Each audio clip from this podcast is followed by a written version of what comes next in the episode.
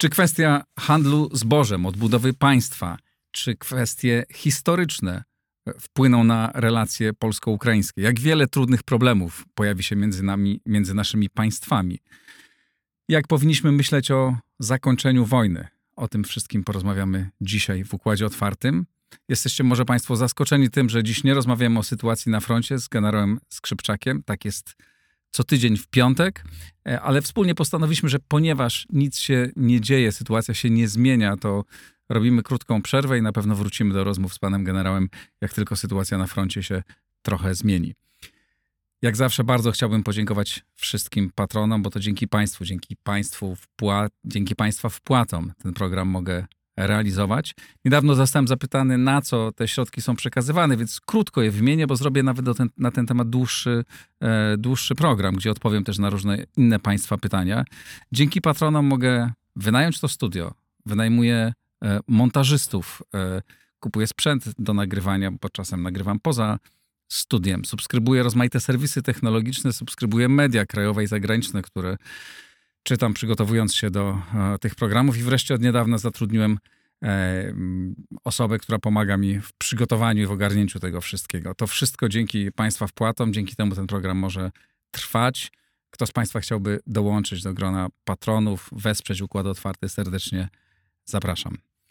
A teraz już zapraszam na rozmowę a oto mecenasi Układu Otwartego. XTB, polska platforma inwestycyjna, która umożliwia inwestowanie w akcje i ETF-y bez prowizji w przypadku miesięcznego obrotu nie większego niż 100 tysięcy euro. E-Kwadrat V to polska spółka zajmująca się sprzedażą energii elektrycznej pochodzącej wyłącznie z odnawialnych źródeł. OnGeo.pl Geoportal dostarczający raport o terenie z diagnozą dowolnej działki dla właścicieli, sprzedających lub kupujących. Firma DevTalent, budująca zespoły programistyczne dla klientów z branży finansowej i cyberbezpieczeństwa.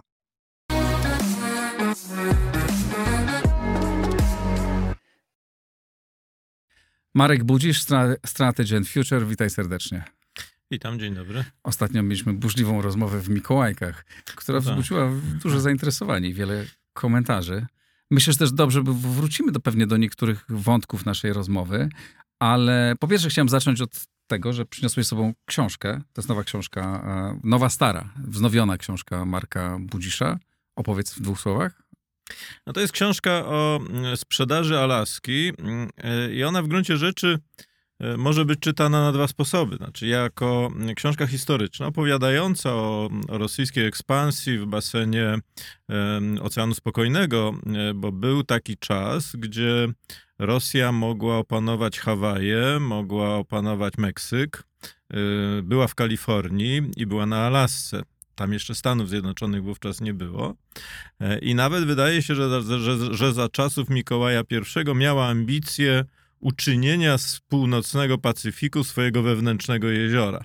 To się z różnych powodów nie udało, ja o tym, o tym piszę dość szczegółowo, ale też opisuję pewien, pewien plan polityczny, właśnie związany z, ze sprzedażą Alaski, bo ja uważam i próbuję to udowodnić w tej książce, że Rosja sprzedała Alaskę nie dlatego, że nie miała pieniędzy, jest taka interpretacja tego kroku, ale dlatego, że to był, miał być element pewnej dużej rozgrywki, którą Rosja chciała chciała przeprowadzić. I w tym sensie to jest też moim zdaniem pouczające, spojrzenie na naturę rosyjskiej polityki. Ta natura rosyjskiej polityki jest zawsze defensywno-ofensywna. To znaczy oni mają, e, są tam elementy defensywne i można ją tak odczytywać, ale jak się zdrapie te wierzchnie warstwy, to się pokazuje, że oni zawsze myślą ofensywnie. I tak też było w przypadku, w przypadku Alaski. A na czym ten plan ofensywny polegał, no to odsyłam zainteresowanych do, do lektury. Zapraszam Państwa, siebie też, bo ja jeszcze tej książki nie znam. E, chętnie, chętnie ją przeczytam, może kiedyś o, i o tym po, porozmawiamy. A teraz porozmawiajmy o, o tym, no, też o, o, Rosji między innymi. E, nagrywamy tę rozmowę w czwartek po południu, dzień po wizycie e, Wołodomyra e, Zełańskiego. Jak byś określił ten moment na drodze naszej współpracy polsko-ukraińskiej? Gdzie dzisiaj jesteśmy? No, ja obserwuję e, bardzo uważnie to, co się dzieje między Polską a Ukrainą. W zeszłym roku, w czerwcu, też e, napisałem kilka artykułów, w których e, sformułowałem taką tezę, że pewnym modelem docelowym winna być, ja to określiłem nazwą Unii Państwowej Polsko, Polsko-Ukraińskiej. Tu, tu nie nazwa jest istotna. istotna to wywołało jest... wiele wiele dyskusji. O wiele spadło słów, na ciebie, spadło wiele na ciebie słów, wiele pędzków. wiele słów pod własnym adresem, niektórych nawet nie znałem, że można tak o kimś mówić. Usłyszałem i przeczytałem. Mm, ale ja myślę, że po roku mm, mhm. jesteśmy, mm, z czego się cieszę, bo nie wycofuję się z tego, co pisałem, jesteśmy na drodze, którą ja opisywałem, a opisywałem pewien model docelowy, nie osiągnięty za miesiąc, za dwa tygodnie czy za pół roku, tylko osiągnięty w perspektywie no, 10 lat, ja o tym tak pisałem. Ale to przypomnij, bliskiej jaki bardzo być, współpracy. Jaki miał być ten model, jaki powinien twoim zdaniem być ten model docelowy? No to trochę e, o tym wczoraj mówił pan prezydent Duda i pan prezydent Zełenski. Oni mówili o niezwykle bliskim sojuszu wojskowym, gospodarczym, kulturowym, cywilizacyjnym, właściwie wspólnocie. No ale zarzucano ci, czy podejrzewano cię, że chcesz tworzyć jedno państwo, jeden byt państwowy. Czy mówimy o dwóch krajach, które blisko współpracują, tak jak Francja z Niemcami, e, czy czymś dużo bardziej ja myślę, ścisłym? że mówimy o czymś bardziej ambitnym, dlatego że e, tak jak ja zrozumiałem e, wystąpienie prezydenta Dudy, to on mówił o takim, o takim kształcie relacji, gdzie granica polityczna między obydwoma państwami będzie w gruncie rzeczy niedostrzegalna. Ona będzie fizycznie, ona będzie formalnie, ale my będziemy e, e, e, tak blisko ze sobą współpracować, będąc formalnie w dwóch różnych państwach, że, że w sensie politycznym będziemy pewną jednością. Ja myślałem o sensie politycznym, a nie traktatowo-prawnym, bo ja uważam, że po to, żeby przeciwstawić się zagrożeniu rosyjskiemu, które nie zniknie, w, w, w, myślę, że w perspektywie dość długiej, po to, żeby odbudować Ukrainę, a odbudowa Ukrainy jest konieczna z kilku powodów. No jednym z tych istotnych powodów no jest to, żeby Ukraina była zdolna utrzymać siły zbrojne, które będą w przyszłości w stanie gwarantować bezpieczeństwo i Ukrainie, i państwom z Ukrainą graniczącym, takim jak Polska. O tym też mówił prezydent Zełenski dość wyraźnie w swoim wystąpieniu mówiąc, że mm, polska armia i ukraińska armia, jeśli będą ze sobą blisko współpracować, jeśli będą e, koordynować swoje działania, to nie ma większej siły w Europie Środkowej. To prawda. I to jest gwarancja e, skutecznej polityki odstraszania Rosji. Ale jeszcze chciałem, żebyś wyjaśnił, bo ja nie rozumiem do końca, co masz na myśli, mówiąc taka unia polityczna, nie, nie, nie, nie, nie, traktat, nie, nie mówisz o zapisach traktatowych, tylko o bliskiej współpracy. No, no, państwa blisko współpracują, jeśli się zgadzają w jakiejś sprawie, to blisko współpracują. Tak jak Niemcy i Francja współpracują w bardzo wielu sprawach. E, dzięki traktatowi elizejskiemu, prawda, wytworzyli mechanizmy regularnych spotkań, e, negocjacji, co doprowadziło do tego, że te dwa mechanizmy rzeczywiście dosyć nieźle przez lata ze sobą współpracowały ty masz na myśli, jak rozumiem, coś więcej. Ja mam ale myśl, nie jedno państwo. Ja mam. Tego nie jesteśmy w stanie dzisiaj określić, mhm. dlatego że zwróćmy uwagę, że już Unia Europejska znajduje się jednak, niezależnie jak oceniamy ten proces, na drodze do zbudowania jednego państwa.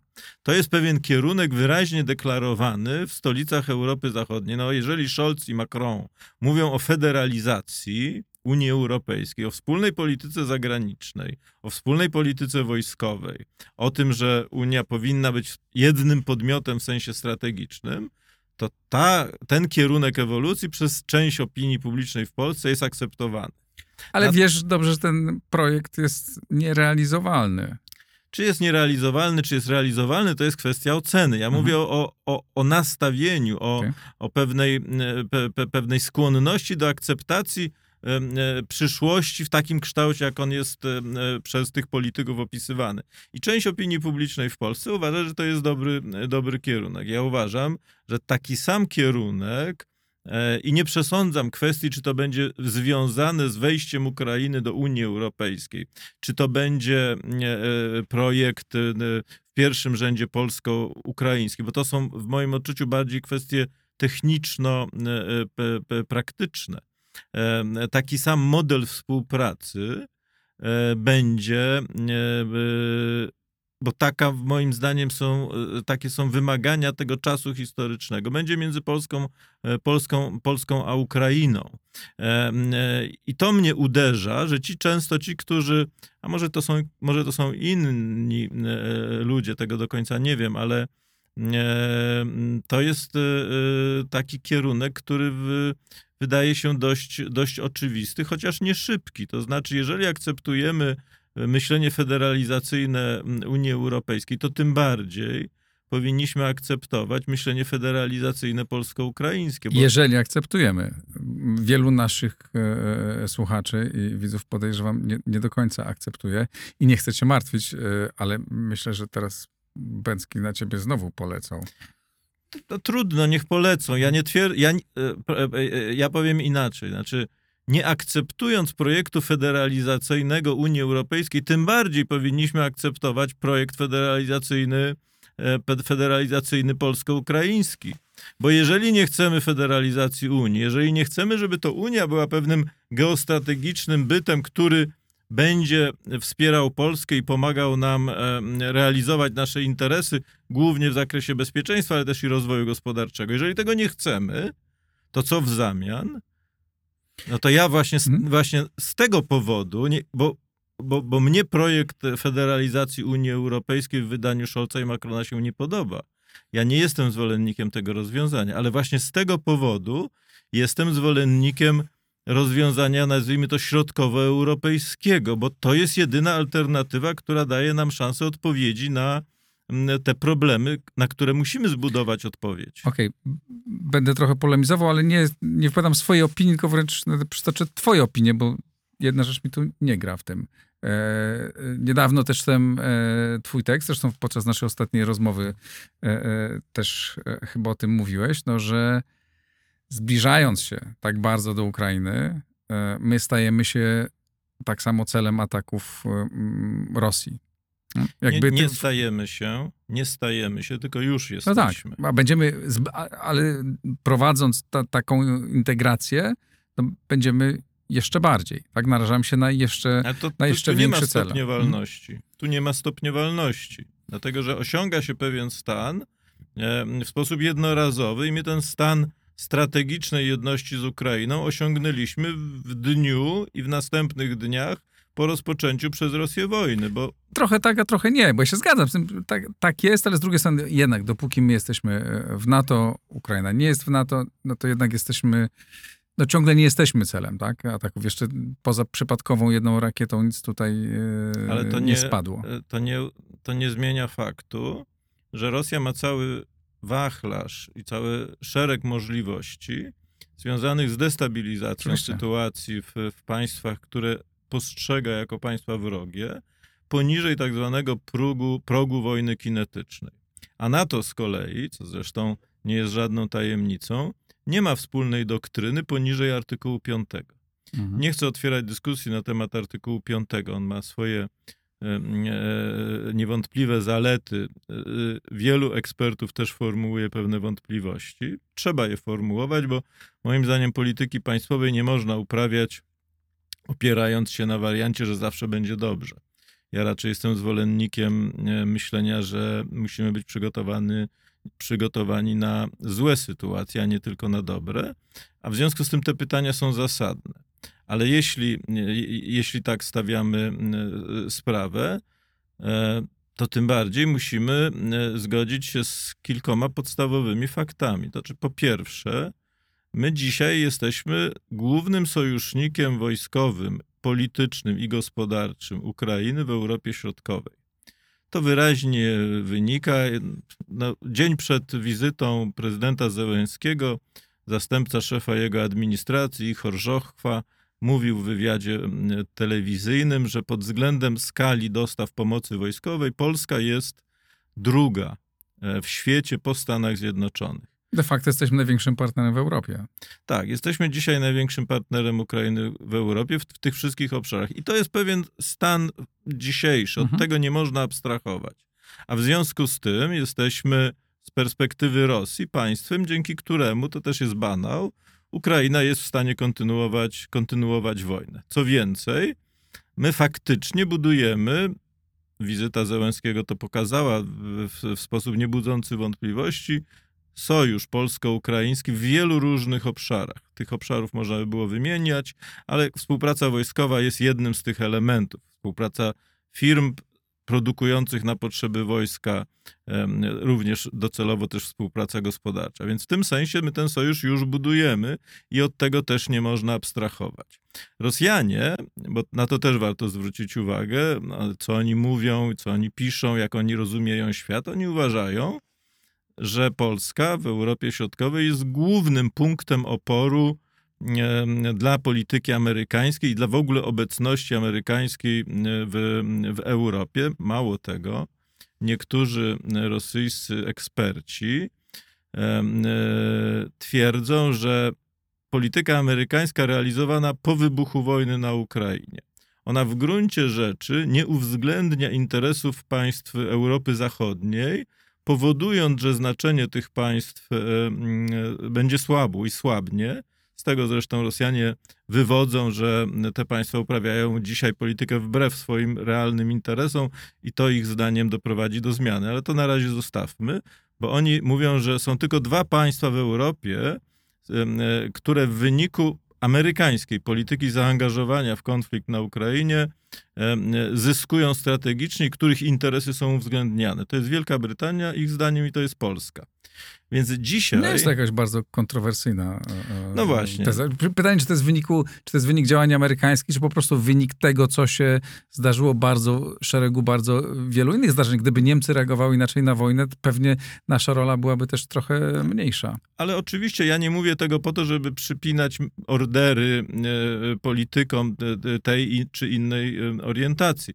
Ja opisuję tylko pewien stan faktyczny, w, w dniu dzisiejszym, czyli 400 ponad dni od rozpoczęcia wojny. Ten stan faktyczny jest taki, że my dzisiaj faktycznie jesteśmy i w sojuszu wojskowym, i w sojuszu gospodarczym, i politycznym. Politycznym może trzeba byłoby wymienić przed tymi dwoma innymi elementami z Ukrainy. Z gospodarczym to bym też nie przesadzał. Jesteśmy być, być może. Przy stoimy przed takim sojuszem, mamy trochę na, nadzieję, że to będziemy no, Ja myślę, Ukrainę. że już jesteśmy, dlatego że to przez Polskę dosta, do, dociera na Ukrainę zaopatrzenie również we wszystkie elementy, czy, czy kwe, wszystkie towary, które są tam potrzebne. To nie jest kwestią przypadku, że ukraińska firma Nowa Poczta otworzyła w Polsce już 30 swoich hmm. oddziałów. Nowa Poczta jest firmą kurierską, ta nazwa jest trochę myląca i można za pośrednictwem tej firmy wysłać na Ukrainę no po prostu to, co tutaj pracujący Ukraińcy kupują i to, i to, jest, i to jest robione. Ten popyt rośnie. My faktycznie dzisiaj e, budujemy na wielu różnych poziomach te nici współpracy gospodarczej, od firm małych do firm bardzo dużych. Najwięcej firm ukraińskich, które się relokowało po wojnie za granicą, za granicę, znajduje się, znajduje się w Polsce.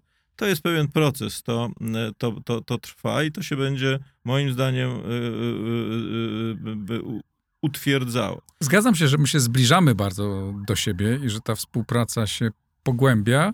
No ale mm, też stosujemy dobrą miarę. Nie? No, jak weźmiemy współpracę polsko-niemiecką gospodarczą, no to my jesteśmy czymś więcej niż sojusznikami. Jesteśmy państwami, które są wzajemnie od siebie gospodarczo dziś bardzo zależne, dużo bardziej niż Polska i Ukraina. Trochę nie rozumiem te, te często spotykanej logiki. Yy albo Ukraina, albo Niemcy. Nie, nie, a to absolutnie nie. To ja, ja, ja, nie, to ja tego nie, nie mówię, że albo to, albo to. Mówię o porównaniu, bo mówię, że to jesteśmy w, w jakimś bliskim sojuszu, nie? No, za to się buduje się ta współpraca. Buduje dopiero. się ta współpraca. Nie, nie, absolutnie. Współpracę z Niemcami budujemy przez ostatnie 30 lat. Współpracę z Ukrainą, no najoptymistyczniej licząc, budujemy od rewolucji godności, czyli lat znacznie, znacznie mniej. Dopiero teraz ona przyspieszyła również z tego powodu, może zasadniczo z tego powodu, że Ukraina e, zobaczyła, iż strategicznie ta współpraca z Polską jest, e, jest ważna. Bo oni do tej pory budowali relacje w, w innych też kierunkach. One były tańsze, one tak. były korzystniejsze. To się teraz zmienia. Ale konkludując, bo od tego zaczęliśmy. My dzisiaj faktycznie jesteśmy w sojuszu wielowymiarowym. Politycy ukraińscy mówią, że Polska jest najbliższym ich, im państwem w sensie też politycznym. I Rosjanie postrzegają Polskę jako głównego sojusznika Ukrainy we wszystkich tych, tych obszarach. No to, to powoduje, że polityka rosyjska e, e, nakierowana na Ukrainę będzie uwzględniała czynnik polski, no bo inaczej nie można. No i to też otwiera różne pola e, e, e, powiększonego ryzyka, które też trzeba dostrzegać, bo, bo chcąc, ja mówię o tym dość często, no ale Rosjanie chcąc jakiś, w jakiś sposób obezwładnić Ukrainę, wpłynąć na kształt e, jej polityki, spowodować, że ona na przykład będzie państwem neutralnym, a nie dążącym w sposób bezkompromisowy, jak powiedział Zełenski, do NATO, no będą też musieli oddziaływać na Polskę. E, I ja uważam, że ta skala tego oddziaływania w najbliższym czasie będzie rosła. Będzie rosła również z tego powodu, i to też jest zdanie wielu ekspertów zachodnich, że jeżeli Rosjanie tracą swój potencjał sił konwencjonalnych, to oni będą przenosili, nie rezygnując z agresywnej polityki, bo nie ma na to żadnych przesłanek, żeby sądzić, że oni zrezygnują, oni będą przenosili y, ciężar y, swojej polityki w, w, w, dwa inne segmenty. W segment nuklearny, bo ta, broń strategiczna y, ma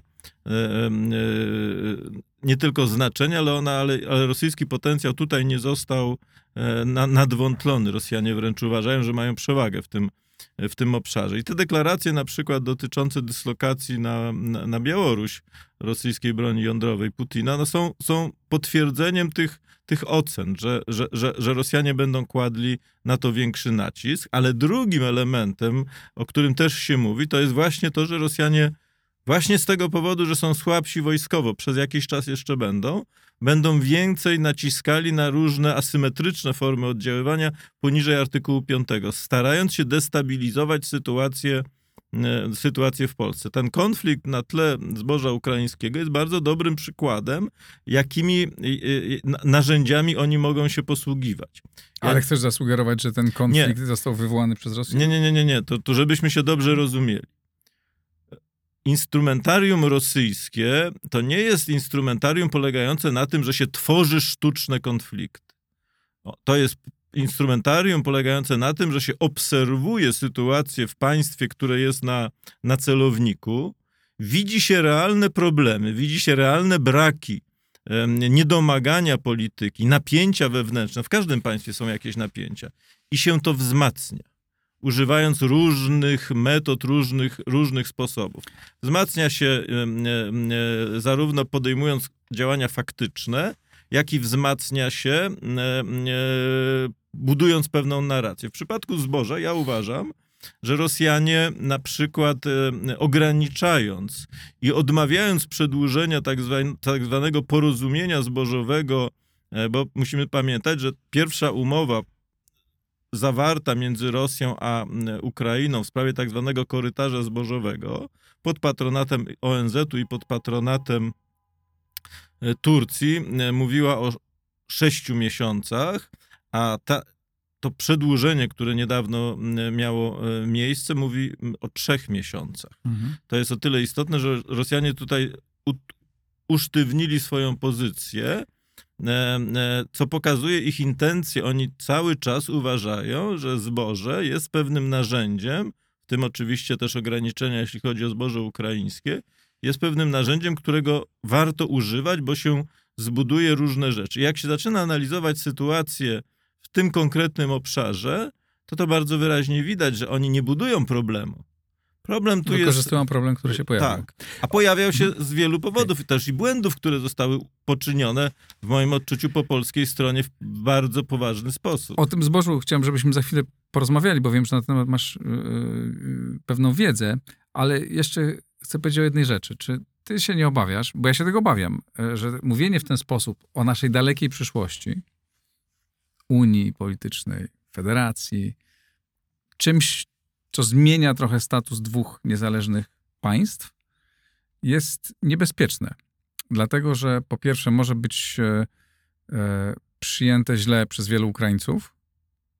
Wiesz, jak się wykorzystuje rozmaite e, słowa, tezy padające w debacie. Właśnie Rosjanie to znakomicie wykorzystywać i podgrzewać, że Polacy no właśnie popieramy, bo tak naprawdę chodzi nam o to, żeby kiedyś stworzyć jedno państwo, zawładnąć. Z drugiej strony jest duża część polskiej opinii publicznej, która też na to zareaguje e, bardzo alergicznie i Rosjanie będą to też podgrzewać swoimi metodami, nie wprost, tylko przez rozmaitych, e, e, przez rozmaitych swoich e, troli, nie troli, rozmaitych publicystów, e, ludzi, którzy będą głośno to kwestionować.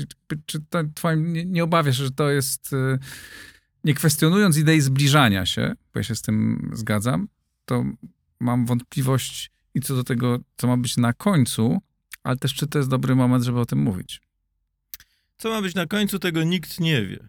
I ja tego też nie wiem. Mhm. E, dlatego, że e, e, wszy- wszystkie moim zdaniem duże projekty, powiedzmy geostrategiczne, też w historii. E, Pierwsza Rzeczpospolita była takim projektem, bo ona przecież powstała w wyniku e, Unii między, e, między niezależnymi organizmami politycznymi, jakim była Polska i, i Litwa. No to, to, to, jest chyba dość elementarna wiedza. Wszystkie tego rodzaju projekty są nowe.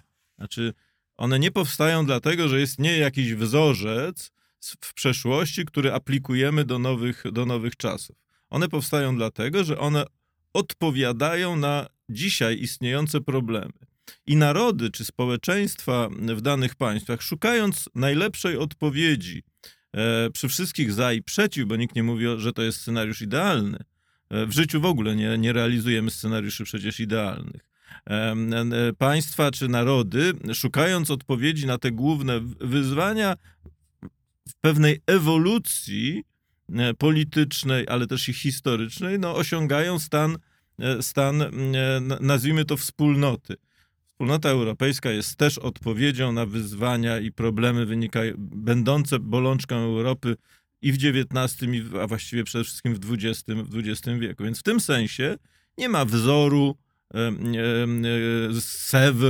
e, modelu, do który, w, w stronę którego my, my idziemy. Ja, można by nawet powiedzieć wzorem niemieckiego socjaldemokraty Bernsteina, że, że cel jest niczym. Właściwie liczy się ruch tylko.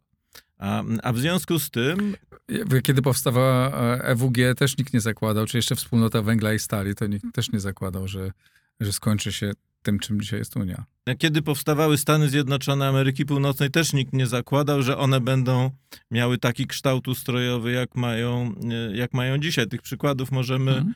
możemy dziesiątki podawać. Tak? Jedne projekty się e, kończą sukcesem, inne się, się rozpadają. Tu nie ma żelaznej gwarancji, że to, o czym ja teraz mówię, to jest e, recepta na sukces i, i ten sukces na pewno się, się stanie. Ja tylko mówię o tym, że mamy pewne problemy, które są dzisiaj dość wyraźne, stojące przed e, społeczeństwami, narodami Polski, Ukrainy i innych państw regionu i musimy, jako świadomi obywatele, ale też troszczący się o następne pokolenia, szukać odpowiedzi na te pytania. E, I szukając odpowiedzi na te pytania, musimy być aktywni. Aktywni, jeśli chodzi o pewne e, rozumienie przyszłości i tego, jak funkcjonuje, jak funkcjonuje państwo i czym ma być nasze państwo w perspektywie lat 10, 20, a może 50. Tego się nie da zbudować e, bez poważnej rozmowy i bez poważnego dialogu. A w związku z tym liczy się, li, liczy się właśnie to, że my rozmawiamy na ten temat. To, że ludzie się obawiają pewnych, pewnych rzeczy, to jest zrozumiałe. No, trudno oczekiwać, że wszyscy będą się zachowywa, zachowywali bez, e, bez obaw i bez, i bez wątpliwości. No, ja uważam, że dużych, e, e, mówiąc w pewnym uproszczeniu, projektów nie realizuje się przez, tak jak kiedyś w XIX wieku, oktrojowano konstytucję. Władca nadawał konstytucję i państwo funkcjonowało mając, mając konstytucję. No nie w demokracji i nie w kraju o tak republikańskiej tradycji, jakim jest Polska.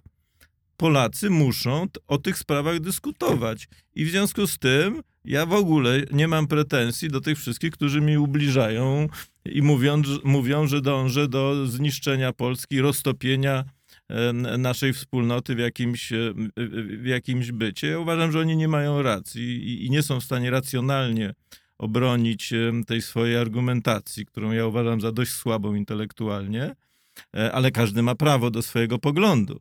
E, e, Dyskutujmy, rozmawiajmy, jak odpowiedzieć na wyzwania, które są dzisiaj dość czytelne e, i nie myślmy, że ktoś za nas rozwiąże te sprawy. No, bądźmy wreszcie dorosłym państwem i dorosłym społeczeństwem. E, Nie śpijmy snem sprawiedliwego, myśląc, że jeśli już weszliśmy do NATO, to NATO jest takim blokiem, które e, niczym magiczną różdżką wszystkie nasze problemy rozwiąże. To już dzisiaj wiemy, że rzeczywistość No jest dużo bardziej I w Unii. Europejskiej Tak. podobnie. Ale zanim dojdziemy do momentu, w którym ta integracja będzie się, zrobimy pierwszy krok na drodze tej, tym kierunku, o którym mówisz, znaczy może pierwszy krok to już zrobiliśmy, czy dwa kroki.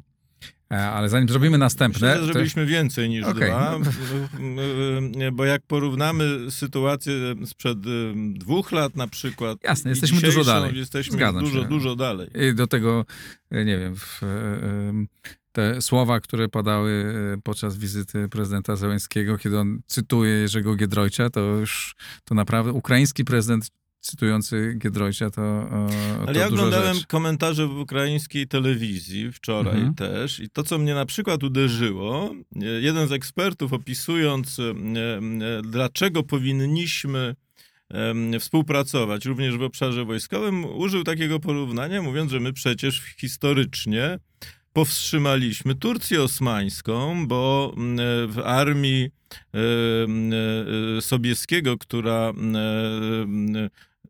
odniosła zwycięstwo pod Wiedniem, był też olbrzymi kontyngent kozacki. E, W związku z tym e, to jest e, coś nowego. O tym się w Polsce, w Polsce nie mówi, ale to też pokazuje pewien kierunek myślenia na Ukrainie. Nie dlatego, żeby teraz zapanowała idylla, bo też to nie jest możliwe, O ale tym- szuka się pozytywnych e, punktów odniesienia. Ja I tych, tych pozytywnych punktów odniesienia jest bardzo dużo i tych pozytywnych emocji jest nieprawdopodobnie dużo. Ja dzisiaj przed nasz przy- przyjściem do, do, do studia byłem w Instytucie Wolności, w którym prowadziłem taki projekt Help Ukraine. Tam pracują e, e, kobiety z Ukrainy. Jedna prawniczka była wczoraj ze swoją córką na tym spotkaniu i to ja widziałem, jak wielkie przeżycie to jest dla nich. Jak oni się czują. Tu pokazałem mi swoje zdjęcie z ukraińską flagą tam na, e, e, na tym, mm, na Zamku Królewskim. Jak ona powiedziała coś takiego, że oni czuli się tutaj, czują się tutaj bezpiecznie, że to jest... e, To było wielkie przeżycie, że ona tu w Polsce może z ukraińską flagą stać przed swoim prezydentem i czuć się jak u siebie. To No jest właśnie, tak, tu muszę na- powiedzieć, że mi tak zrobiło to na mnie duże wrażenie, nawet po tych słowach teraz twoim tak do mnie to Ale dotarło. na jedno warto moim zdaniem zwrócić Mhm. uwagę, bo my jesteśmy z tego pokolenia, gdzie właściwie wszyscy, a, a z pewnością większość ludzi pracowała w młodości za granicą. Ja jak pracowałem w Norwegii, to się e, czułem trochę e, no, obywatelem, to nawet nie, ale człowiekiem e, drugiej kategorii. Ja pracowałem we Francji, zrywałem winogrona. I czułeś się e, kimś drugiej kategorii? No tak, no, ale ja byłem tam na wakacje, więc jakby, ja- ale ja wiem, znam byłem to, na wakacjach. znam to uczucie, oczywiście. I to, co się moim A zdaniem wtedy udało... byliśmy z innego świata kompletnie. Ale trochę z innego świata też przyjechali Ukraińcy do Polski i to, co wydaje mi się udało nam się zrobić, a czego nie doceniamy, to to, ja mam takie wrażenie, być może się mylę, może jestem nadmiernym optymizmem, optymistą, ale wydaje mi się, że oni nie czują się w Polsce ludźmi drugiej kategorii. Tak, też Oni- mam takie poczucie. Oni, y, i, i, to, i, I to jest ta siła równi z równymi, wolni z wolnymi. Tak. Też, a ja też czuję u siebie, pewnie i, i widzę u wielu ludzi tak po prostu na ulicy, nie? jakby, że jak rozmawiam z Ukraińcem, to się jakby tak bardzo pilnuję, że przypadkiem nie, nie pokazać, że ja jestem obywatelem kategorii E, a on czy ona jest e, kategorii B, żeby właśnie czuli się godnie i dobrze tutaj. I to jest To bardzo zdrowe i Wydaje mi się, że to jest duże osiągnięcie społeczeństwa polskiego, Tak. które pokazało swoją otwartość, ale też taką, e, taką bym powiedział, chrześcijańską e, y, chrześcijańskie podejście do, do drugiego człowieka. To jest niezwykle ważne, to warto moim zdaniem zawsze podkreślać. Ale to jest jeszcze drugi element niezwykle ważny, bo to pokazuje, jak pozytywną rolę może odegrać państwo. Bo to państwo polskie, nadając te uprawnienia, o których Zełenski mówi bardzo często, e, zbudowało już na tym poziomie fundamentalnym to przekonanie i przeświadczenie, że Ukraińcy e, nie są żadnymi ludźmi drugiej kategorii, ani gastarbeiterami, ani kimś, kto to przyjechał e, i cały czas siedzi na walizkach. Oni, to, to, to, to był też ważny, e, ważny sygnał. Ja, ja nie gloryfikuję tego wszystkiego, problemy są i, i będą, ale Mm, Ale to pokazuje, y, ile rzeczy można zrobić, nie na poziomie rządu, parlamentu, chociaż tam też trzeba, ale na poziomie normalnych, Absolutnie. normalnych relacji. Nie, to y, ja będąc też no, kilkukrotnie na Ukrainie w ciągu tego roku, rozmawiając, to każdy, kto był, a nie mało Polaków tam było, czuło, to, to jest nieprawdopodobne. Znaczy, to, też moje doświadczenie, tak, jak też po- podróżowałem bardzo dużo po różnych częściach świata i nigdy nie czułem się tak, jak na Ukrainie, kiedy mówiłem, że jestem Polakiem, albo ktoś rozpoznawał, że jestem Polakiem. To ich taki poziom em, po, tak duże emocje, jakie to budzi, pozytywne? To jest, i one są głębokie, one nie, nie mam wrażenia, nie są płytkie, bo oni czu, czują to. Dlaczego to jest ważne? Zabezpieczyliśmy Tak. ich bardzo. Ale dlaczego to też jest ważne? Bo, bo oczywiście można to, co, o czym mówimy, traktować jako takie e, manifestacje własnej próżności, że się teraz e, wzajemnie przekonujemy, jacy to Polacy są wspaniali. E, I taki element jest w, w, w narracji na temat naszego zachowania, ale to jest ważne z innego powodu, moim zdaniem. Że to, jest, że to nam się opłaca. Jednej, drugiej stronie. Ukraina się bardzo zmienia. Jest państwem i społeczeństwem, narodem, który przechodzi bardzo głębokie prze, przeobrażenia. E, Musimy to obserwować, musimy wiedzieć, w którą to stronę się e, z- w którą to stronę zmierza. To jest zresztą widoczne w szeregu e, działaniach, możemy o tym szczegółowo opowiadać. W tym sensie Ukraina dzisiaj jest w pewnym procesie. E, brzydko to nazywając, można powiedzieć, że jest do, do pewnego stopnia ta narodowa świadomość ukraińska jest plastyczna. Ona podlega pewnym wpływom, podlega przewartościowaniom. Ten przykład z kozakami pod Wiedniem jest, em, jest, jest dość wymowny, bo to, też do, do, dotyczy tradycji historycznej, która tam też ulega e, e, przewartościowaniu i, i pewnym zmianom. To oznacza, że my nie jesteśmy w tym procesie widzami. My mamy możliwości oddziaływania, mamy możliwości budowania pewnej nowej, nowej jakości. A w związku z tym, dlaczego to jest ważne?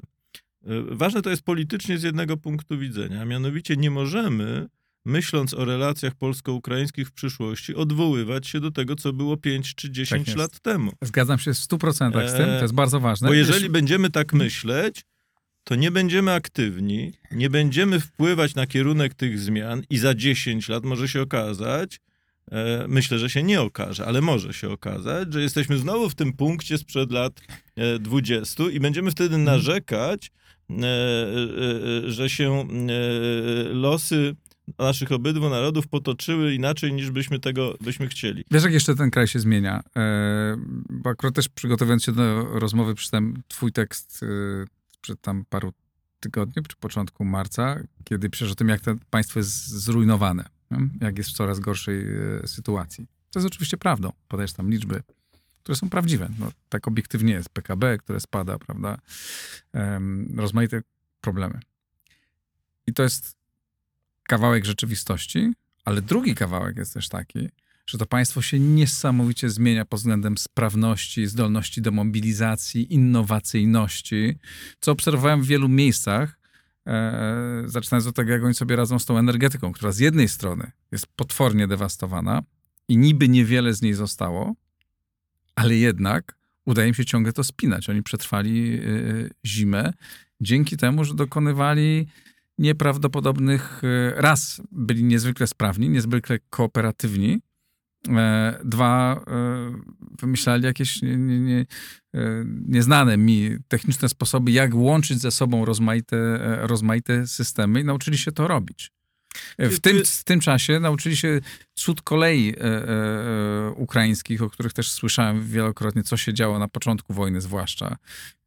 Te koleje jeżdżą punktualnie. Jechałem niedawno z Kijowa do Przemyśla i po prostu byłem wstrząśnięty jakością. Tam było lepiej niż Pendolino, było czyściutko. Przez... Do tego jeszcze było w kraju ogarniętym wojną, kiedy jechałem 8 godzin czy 9 z Przemyśla do Kijowa, 8 razy czy 9 przechodziła pani sprzątająca. Tam nie było pyłka na ziemi. To wszystko nieźle funkcjonowało. Oczywiście też są rozwalone, zniszczone mm, miasta, zakłady, e, instytucje, ale on ciągle, to państwo pomimo tak trudnej sytuacji ciągle fantastycznie, jak na tę sytuację funkcjonuje, co pokazuje ich zdolność do tego, czym, ten, czy to, czym to państwo może być po, po zakończonej wojnie, jeśli tam wpłyną pieniądze, jeśli oni e, zaczną je, je, odbudowywać, czy wspólnie będziemy je odbudowywać.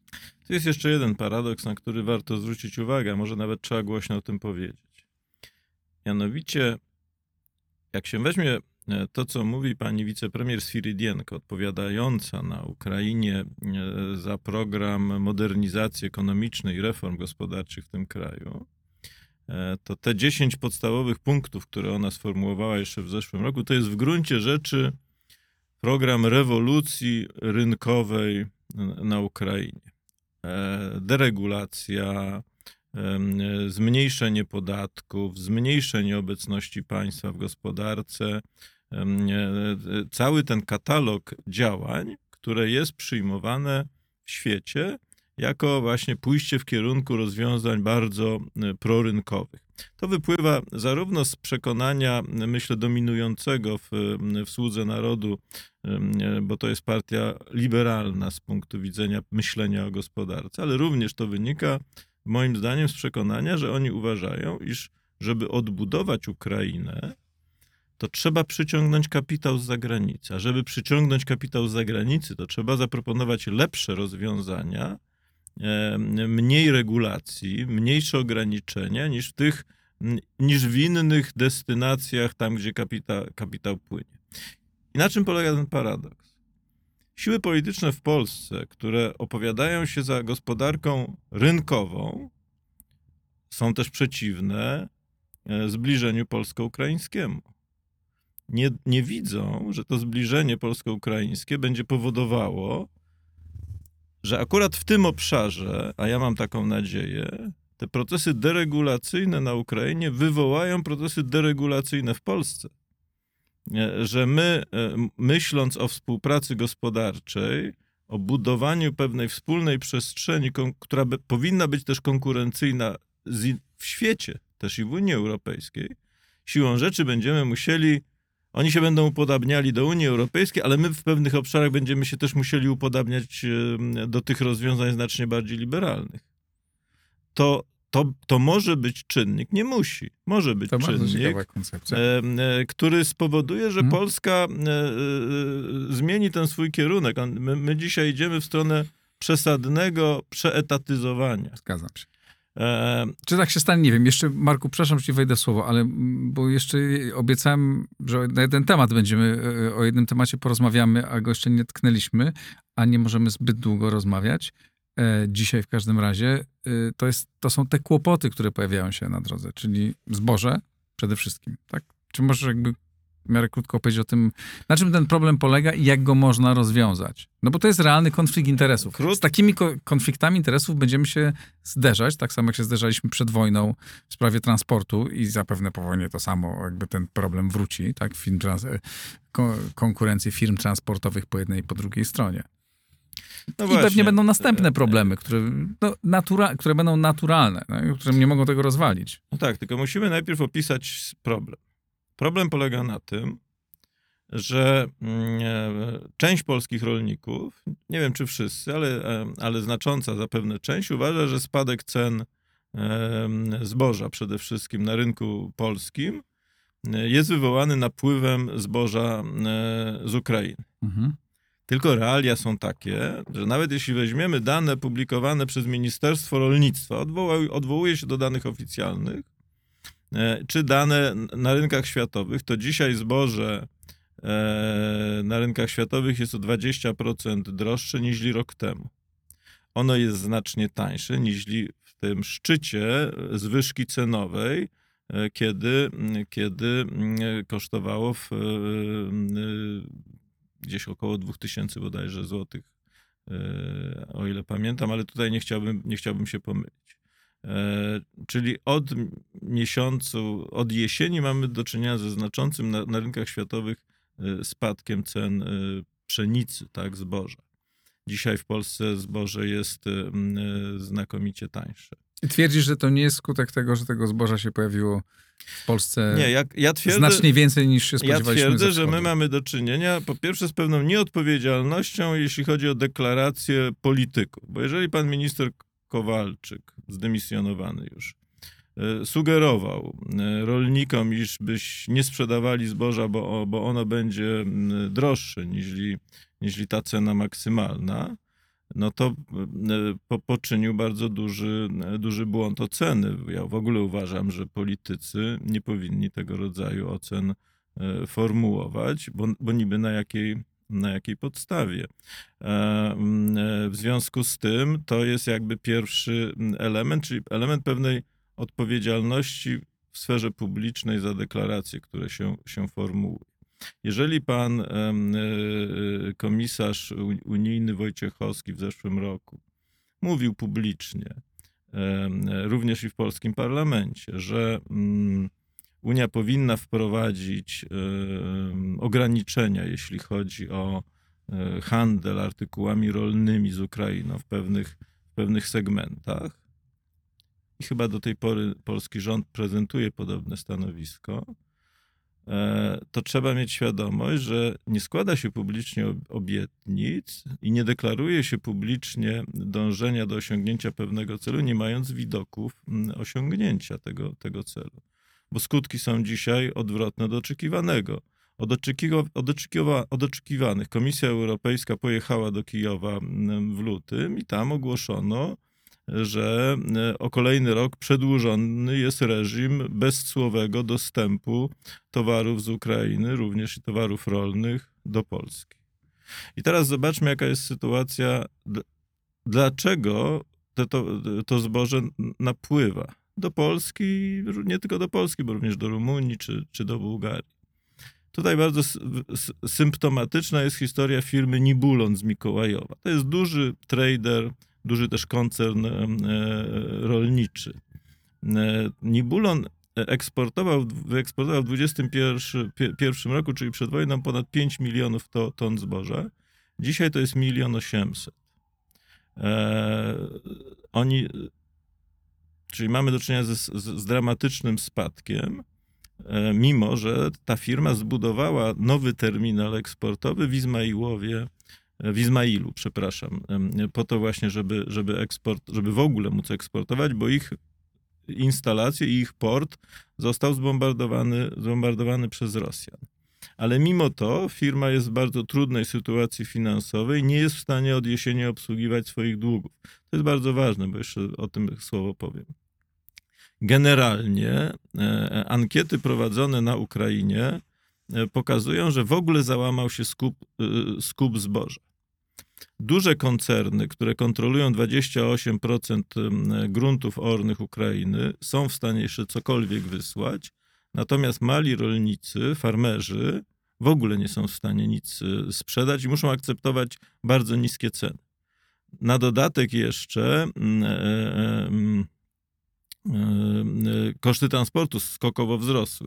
W przypadku firmy Nibulon, ona w 2021 roku, jak mówi jej prezes, e, te koszty wysyłki, załadunku, rozładunku to było gdzieś około 5 dolarów na tonie.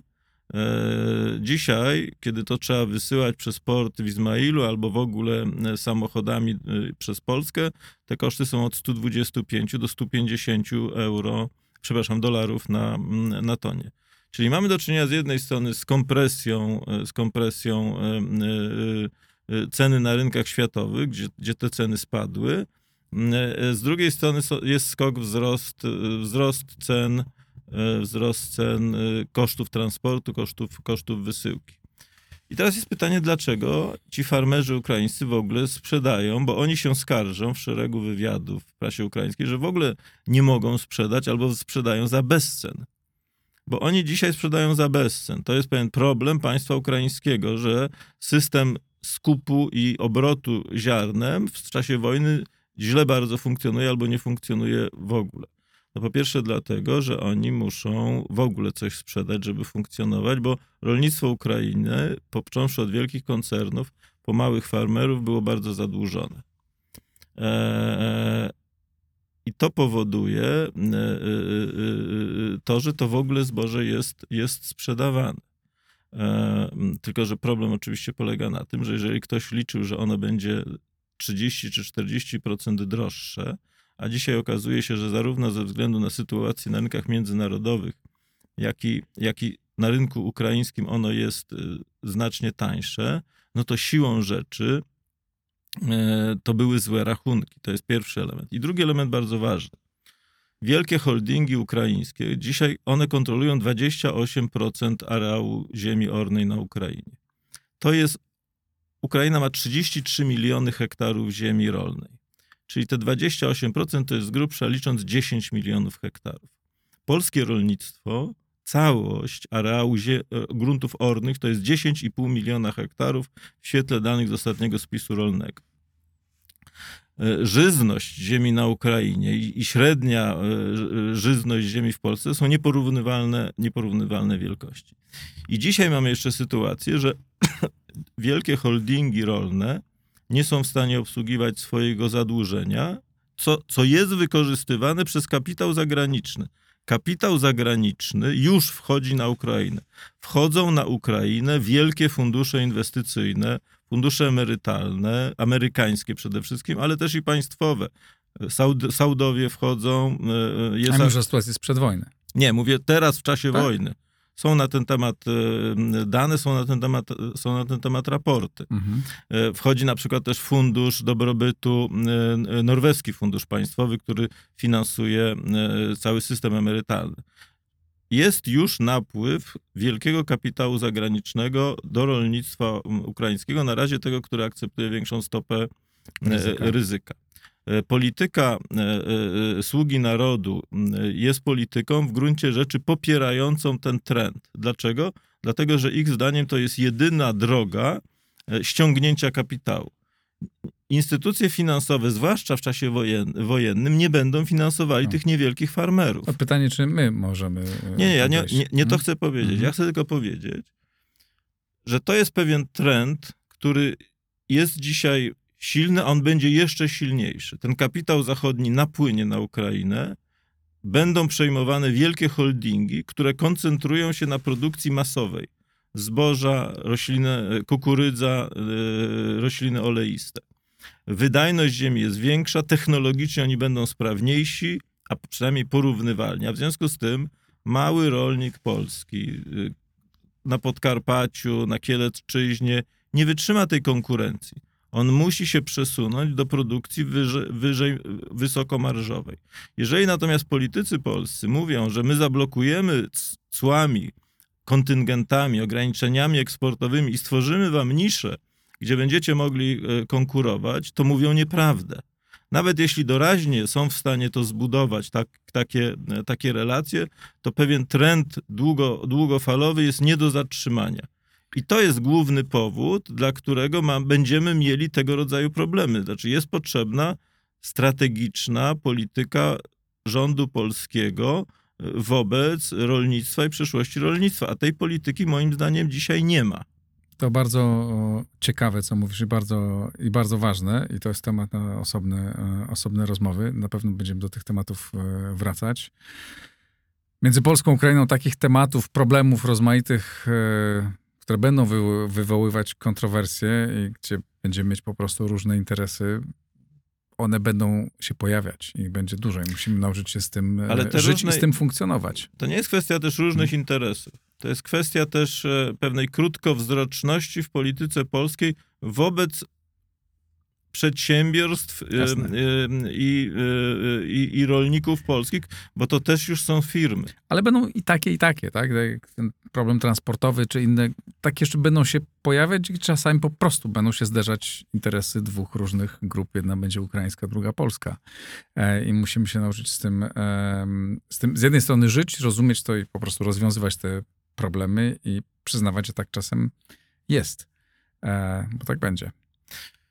Obawiam się, że doraźnie, krótkoterminowo pewnych spraw się nie da rozwiązać. Tu jest potrzebna pewna strategia, szukanie nisz, szukanie naszych mocnych stron, też y, wiedza, gdzie te nasze strony są słabsze, gdzie jesteśmy słabsi, gdzie nie będziemy silniejsi, e, bo tak jest ukształtowana przyroda. To i, i prawda, warunki. ale powiedz to teraz e, komitetowi wyborczemu, który e, przygotowuje kampanię e, wyborczą partii rządzącej, że musi to wytłumaczyć dużej części właśnie ich elektoratu, kiedy oni walczą o życie. Na tak tym, jest. na, na tym polega polityka. problem, wydaje mi się, No, polskiej polityki. ale oczywiście, że tak. Bo ja osobiście pisałem o tym, że e, będziemy mieli do czynienia z napływem taniego zboża e, z Ukrainy w roku 2020. E, Tylko, że wtedy mało kto na to zwraca uwagę. Chociaż ludzie znający się na rolnictwie i, i zaangażowani w tym sektorze doskonale wiedzieli, że to jest kwestia tylko czasu. Polska Natomiast polityka... polscy politycy y, mają horyzont co najwyżej miesiąca, a może nawet krótszy. Tak. I, a problemów rolnictwa się w takim horyzoncie czasowym nie rozwiąże. To prawda. E, Mogę, niestety nie możemy już ciągnąć dłużej dziś tego, ale zapewne będziemy wracać do tych i innych wątków. Bardzo Ci dziękuję, Marku. Dziękuję Marek bardzo. Budzisz, Strategy Future. E, dziękuję bardzo Państwu. E, to jest e, ostatni program, który wyemituję przed świętami Wielkiej Nocy. Życzę Państwu pięknych, pięknych świąt, przemiany, siły, nadziei i miejmy nadzieję, że następne święta, chociaż Wielkiej Nocy już będą w czasie pokoju po zwycięstwie. Jaki, cokolwiek będzie tym zwycięstwem, co pewnie jeszcze o tym porozmawiamy nieraz z Markiem. Dzięki serdeczne, dziękuję Państwu. Do zobaczenia, do usłyszenia.